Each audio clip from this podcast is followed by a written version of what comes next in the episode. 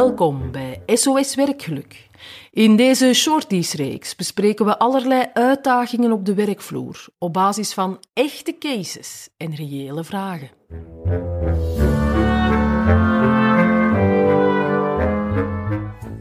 Kim, kreeg jij onlangs nog een uh, typische vraag binnen Goh. typische nee, maar wel zo een waar ik, waar ik denk dat dat wel interessant is om het eens over te hebben. Vertel. Was een, ehm, een manager in een, een redelijk groot bedrijf en die had als probleem dat met het vele online vergaderen, ehm, dat er toch altijd mensen waren die weigerden om een camera aan te zetten tijdens online meetings.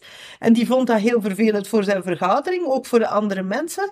En ja, ik denk dat, dat op het vlak van, van het stukje verbinding bij werkgeluk, dat daar wel, eh, wel iets Ja. over te zeggen valt. Ja, want we zijn altijd bezig over connectie maken. En als je elkaar dan al niet voelt omdat je niet in dezelfde ruimte zit, en dan elkaar ook nog eens niet gaat zien, ja, dan kunnen we misschien beter één op één de telefoon nemen, want dan kunnen we wel connectie gaan maken. Maar ja, wat, wat doe je dan als mensen met zo'n situatie geconfronteerd worden? Hebben, hebben we drie tips dat we kunnen Ehm, delen? ja, mijn eerste go-to zou zijn, maak, maak afspraken rond communicatie. Wat verwachten wij van elkaar? Wat is de normale gang van zaken? En als er al ergens gestipuleerd is in dat we onze camera aanzetten tijdens vergaderingen, tenzij dat er een hele goede reden is en dat je dan vertelt tegen de organisator of de voorzitter of wat dan ook, ehm, eh, voor mij lukt het vandaag niet, want ehm, dan heb je al meer het gevoel van, ah ja, eh, het is een beetje raar als ik geen reden heb om het niet aan te zetten. Allee, zo ik En dan, starten. als er een goed kader is, maak je het ook gewoon makkelijker bespreekbaar. Want als iedereen Voilà. maar doet,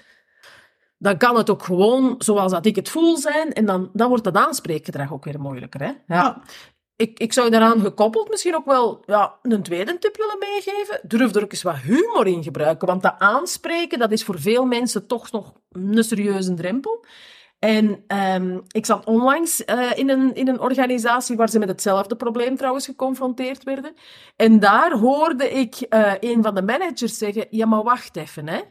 Als wij nu samen in dezelfde ruimte zouden zitten, zou jij dan op die manier in de vergadering aanwezig zijn? Ik denk het niet.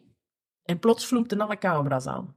Humor. Als je durft, als je het kan, kan heel veel deuren openen. Hè? Ja, en, en het, allee, eentje dat je zelfs bij, bij fysieke vergaderingen kan gebruiken, maar die past hier ook. Ehm, telepathie hebben we vandaag nog niet, dus het is misschien handig dat we elkaars gezicht zien om daar toch een stukje informatie uit te halen. Zou ook een tip kunnen zijn. Humor voor gevorderden, natuurlijk. Hè? Want ik heb ook mijn telepathisch vermogen thuis gelaten. Maar misschien ook nog tip nummer drie. Ja, als je dan gedrag ziet dat je wel apprecieert, ga daar vooral ook waardering, appreciatie rond uitspreken. Want heel vaak vinden we dat dan zogenaamd normaal. En dat is dan ook weer spijtig. Want eh, En daaraan, ja, daaraan gekoppeld zou je ook kunnen zeggen, waarom gebruik je ook niet eh, het feit dat de camera aanstaat als een element in, in de meeting? En bijvoorbeeld voor een check-in of voor een moment van informeel contact, is te kijken van, kijk eens, wat hangt er hier nu eigenlijk achter mijn muur bij thuiswerk bijvoorbeeld? Of waarom... mooie spreuk misschien. Een mooie spreuk, of waarom kies ik die virtuele achtergrond en niet een andere? En zo had ik overlaatst een, eh, een manager die, eh, die elke keer als ik met haar vergadering had, een andere achtergrond had. En het viel mij op en ik stel haar de vraag.